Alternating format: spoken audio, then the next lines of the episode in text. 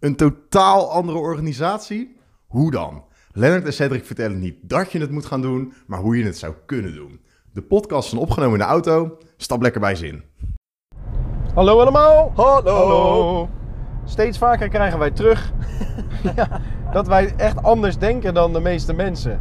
En dat is heel erg raar om te horen, want op het moment dat je zelf denkt, dan heb je dat niet door. Want ja, het zijn onze gedachten, dus dat is onze context. We merken wel dat we op een andere manier en op een opvallende manier eh, een organisatieontwikkeling in gang hebben gezet bij Kito.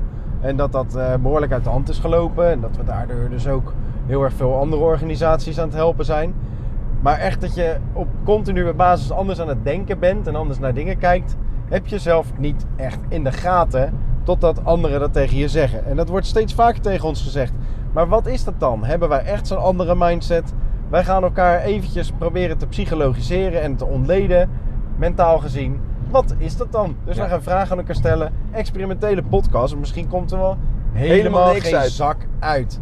Ja, Misschien is dit het al. Ja. Misschien is het wel gewoon het feit dat wij deze podcast opnemen en het niet zeker weten. Ja. Dat we dat dan maar gewoon denken, ah, fuck it.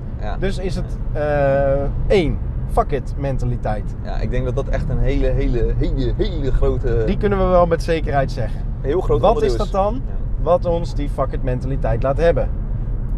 Nou, Ik kan in ieder geval voor mezelf zeggen dat ik tegenwoordig een stuk meer maling heb aan alles dan drie jaar geleden. mhm. Sterker nog, dat dat vandaag nog meer is dan een jaar geleden. Ehm, mijn ego is kleiner geworden. Ook al, ik heb nog steeds een heel groot ego, maar ik neem hem niet meer zo serieus. Dus ik spot er ook regelmatig mee. Ik neem de wereld niet meer zo serieus. Ehm, ik zie de belachelijkheid der dingen wat beter. En doordat ik dat zie, beweeg ik me wat vrijer. Durf ik ook unicorn truien aan te trekken op het moment dat ik veel geld krijg om ergens op een podium te staan. En denk ik, ach ja, het zal allemaal wel. En het gekke is dat sinds ik me meer op die manier gedraag, dus dichter bij mezelf ook, want eh, privé eh, kennen al mijn vrienden mij ook als die gast die vaak een boer laat en schunnige opmerkingen maakt. Ja, ik doe dat nu eigenlijk gewoon overal wat meer. Ik laat nog niet boeren op het podium, dat is dan wel een grens te ver. Echt schunnig opmerkingen, maar eh, er zit meer fuck it mentaliteit in. Dus, eh. Daardoor heb ik ook wel ruwere en rauwere randjes en merk ik ook dat mensen me soms wel gewoon echt mega irritant vinden. Hoe Of is eh, een eerste indruk van me krijgen van, nou, ik weet het niet met die gast. Zeker als ik bij eh, eh, vijfdelige eh, pakken bestuurskamers kom in deze trui. Eh, en mensen mijn achtergrond niet kennen en ik moet me daar dan voor het eerst voorstellen. Dan zie je ze vol minachting kijken. Nou, ik weet niet wie die gast is. maar ik ga sowieso Eh, niks van maar hem ik ga aannemen. zeker niet naar hem luisteren. Ja, en dat, ja, dat voedt mij dan. Dus dat is misschien ook wel een beetje het ding. Het feit dat ik mezelf lekker kan voeden op, de, op het... eh, de mispercepties van de andere mensen ja. of zo. Of de vooroordelen ja, die het mensen feit dat ik het wel Ja, lekker vind lekker. op het moment dat ze verkeerde been staan of eh, verkeerde vooroordelen hebben. Zodat ik ze dan in, eh, in een sec, split second van zeg maar binnen de minuut een, een ander beeld kan geven. Waardoor ik weet dat ik een verschil heb gemaakt bij ze. Daar ga ik op af. Nou ja, ik denk dat...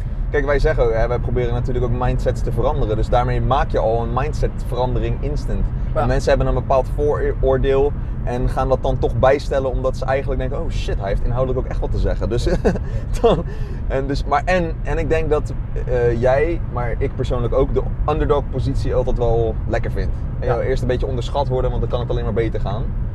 Ja. Is ook wel lekker. Tegelijkertijd ook veilig, moet ik wel eerlijk zeggen. Ja.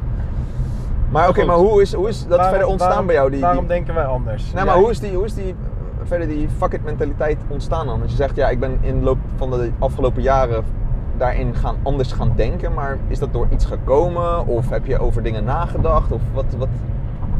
Nou, ik merk dat ik. ehm, weet je, ik ben vader geworden. Eh, ik denk dat dat echt wel uitmaakt. Dat je merkt wat er echt het meest relevant is. Je komt ook in een fase dat je helaas eh, meer mensen om je heen. Of al bent verloren, maar ook aan het verliezen bent. Ehm, dus je gaat alles eh, in betere perspectieven plaatsen. Mhm. Ehm, je ziet ook mensen om je heen die eh, heel erg lang zaken hebben nagestreefd. eh, en zich op een bepaalde manier hebben voorgedaan. Die je dus in- precies in deze levensfase ziet vastlopen. Eigenlijk krijg je, heb ik in mijn, ehm, opvattingen of in mijn innerlijke overtuigingen steeds meer gelijk gekregen in de afgelopen weken, maanden, beperkt aantal jaren. En eh, dat sterkt me in mijn opvattingen en daardoor kan ik er net even wat meer voor gaan staan. Dus dat Mooi. is ook wel het ding, ik ben meer door de buitenwereld bevestigd. Dus die externe bevestiging, die heeft, mij wel veel innerlijke bevestiging gegeven. Mooi. En, Mooi gezegd. eh, Mooi gezegd. Mooi jij? Ja, ik, eh, ik eh, bij de, de fuck it mentaliteit, ik denk wel dat ik die ook best wel heb. Eh, ik zie dingen heel erg veel als een soort een, eh, één groot experiment, zeg maar. Ehm, en, en hoe dat, eh, en, en dat brengt mij heel veel, omdat ik daarmee tegen dingen kan aanschoppen, omdat ik wil kijken wat er gebeurt. En dat dan ook, en dan maakt het niet uit als iemand boos op mij wordt, want dan kan ik altijd zeggen, ja, ik wilde gewoon kijken wat er gebeurde, sorry.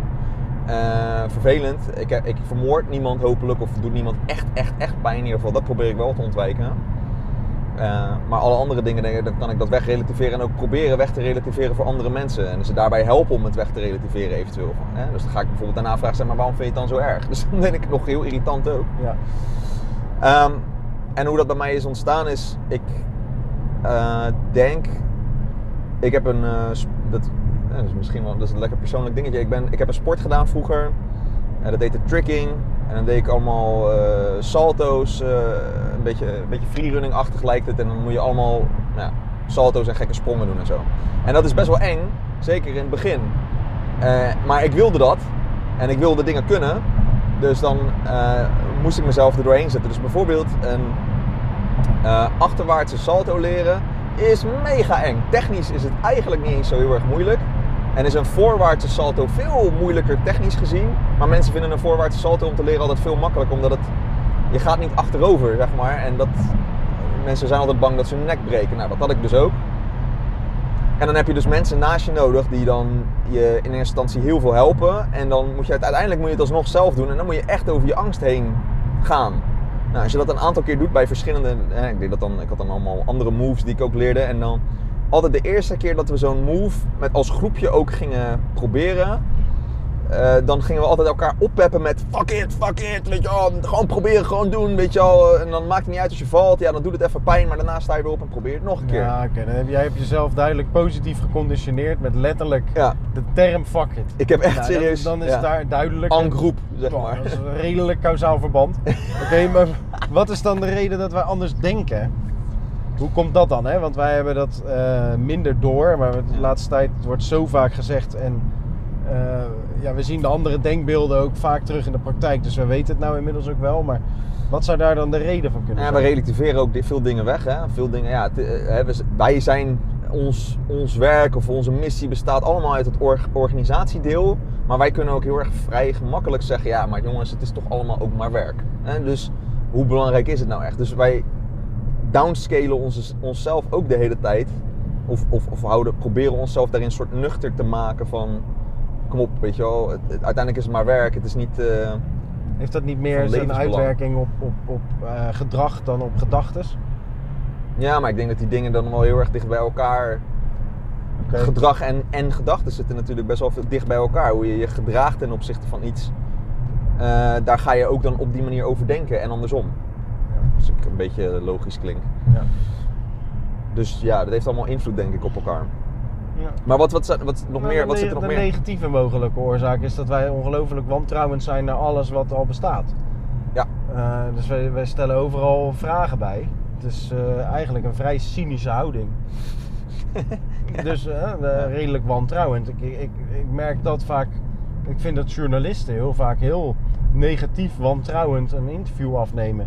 Met een soort van ehm, Ja. ja, negatief mistoontje. Ja. Heel vaak. Hè? Dus bij alle eh, grotere opinieprogramma's vind ik dat. Terwijl ik dat van een Sven Kokkelman echt fantastisch kan hebben. Want die man die vind ik waanzinnig, bijvoorbeeld. Maar dat kan ook zo'n azijnzeikerige, zuurvragende pruim zijn, weet je wel. Ja. En ik vind dat heerlijk.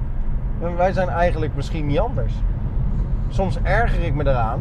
Misschien Ja. ook wel omdat het een deel in mij zit. Dus dat ik de hele tijd maar vragen stel bij datgene wat er is. Dat ik dat gewoon nooit per se direct oké vind. Ja, ja dus, en, en, en dan vervolgend weer een beetje bij mij privé. Wat, uiteindelijk mij ook een stuk kritischer heeft gemaakt, is uiteindelijk eh, de opleiding die ik heb gedaan op de, op de Unie.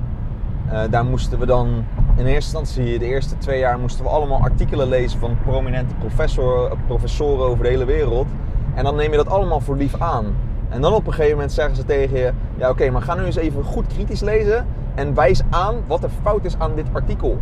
En dan kom je zoveel dingen tegen uiteindelijk dat je allemaal kan wijzen op allemaal fouten. En dan opeens denk je van: Holy shit, zij weten het ook niet.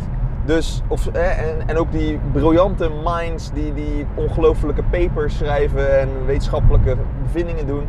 Die doen ook maar wat soms, of die maken ook best wel veel fouten. Ah. En dan kan je ook nog eens heel erg kritisch voor de, in de rest van de, van de wedstrijd staan. Want opeens word je, word ik, werd ik op alles kritisch en ging ik alles bevragen. En dan, want dan stond er weer in Ah, een of andere. kwam eh, mevrouw Rebecca, mijn vriendin, die kwam dan weer met. in tijdschrift X staat dat dit en dit. En dan zeg ik, ja, oké, wat is de bron dan? En waar hebben ze dat, waar hebben ze dat dan, wat voor onderzoek hebben ze gedaan? Want ik geloof het onderzoek niet helemaal. Want dan hebben ze misschien een te kleine sample size of zo, weet je hebben ze gedaan. Of een kleine steekproef. Wat je, wat je daarmee dus hebt, is eigenlijk dat je jezelf in ieder geval niet blokkeert doordat je te groots naar anderen en, eh, Precies. en, en prestaties of naar anderen individueel gaat kijken, zeg maar. Ja, een soort van besef dat. eh, en vroeger, als je klein bent, denk je, oh, volwassenen die zullen het wel weten. Maar volwassenen weten dat over het gro- grote deel ook nog steeds niet. Nee. En zullen het ook nooit Je weten. blokkeert minder snel. En dan vind je volwassenen een stuk minder eng. Even een beetje zo Bijvoorbeeld. En, eh, je kijkt niet al naar alles in de verhouding ik versus Rico Verhoeven of ik versus Mohammed Ali. Nee, Maar veel meer naar die eh, spits van Sparta die misschien nog bij te halen is. Bij wijze van. Ja, ook. En ik denk dat ook Dat zelfs. ik dan al wel ver. Ja, nou ja, Rico Verhoeven en eh Mohammed Ali deden het in heel veel andere opzichten eh, niet altijd even goed. Dus daar kan je alsnog dan weer kritisch op zijn en denken, ja, het zijn ook maar mensen. Hmm. Eh, Anyhow, ik, ik merk aan mezelf dat ik ook op dat vlak een beetje de opleiding, de hele ehm, Calvinistische opvoeding. Dus als ik zelf sowieso opschepte vroeger, dan kreeg ik al te horen, doe even normaal. Maar iemand anders die heel erg groot had gepresteerd, of eh, grote ondernemer, of weet ik wat. Ik heb van mijn ouders altijd geleerd, joh, die pist ook gewoon naar beneden. Dus ik heb op die manier eigenlijk ook wel Ja. gewoon heel erg ja, nuchterheid. nuchter eh, naar, eh, naar anderen gekeken. En heb mezelf daardoor niet enorm geblokkeerd. Ja. Want ik denk dat dat ook bij heel veel mensen speelt. Ja. Een soort van blokkade in, in denken in mogelijkheden. Ja. Dus wij vinden heel veel dingen mogelijk. En daarmee zijn we misschien wel creatiever in onze gedachtenpatronen. Mm. Dus we zijn losser van eh, vooroordelen en dogma's. Ja. Ja. Wellicht. Ja. Mooie, Nou. Ik denk mooie, mooie afsluiten voor in ieder geval een stukje mindset als het gaat om de fuck it. Maar ik denk dat wij nog wel andere dingen hebben. Maar ik denk dat we een andere podcast aan moeten besteden. Dat dat Ja. leuk is. Ik heb er nog wel een andere. die Ik denk. Maar een andere, misschien eh, lekkere cliffhanger. Dat we het ook gaan hebben over eh, onze directheid. Oeh, nou, dat was vandaag weer. eh, Overduidelijk, ja. oh, Dus, maar daar gaan we Ja, het andere over hebben. Dat is ook Goeie. onderdeel van onze mindset. Dus, eh, en dat heeft een reden. Dus daar gaan we het dan de volgende keer over hebben. Doei! Bye bye. Doei doei!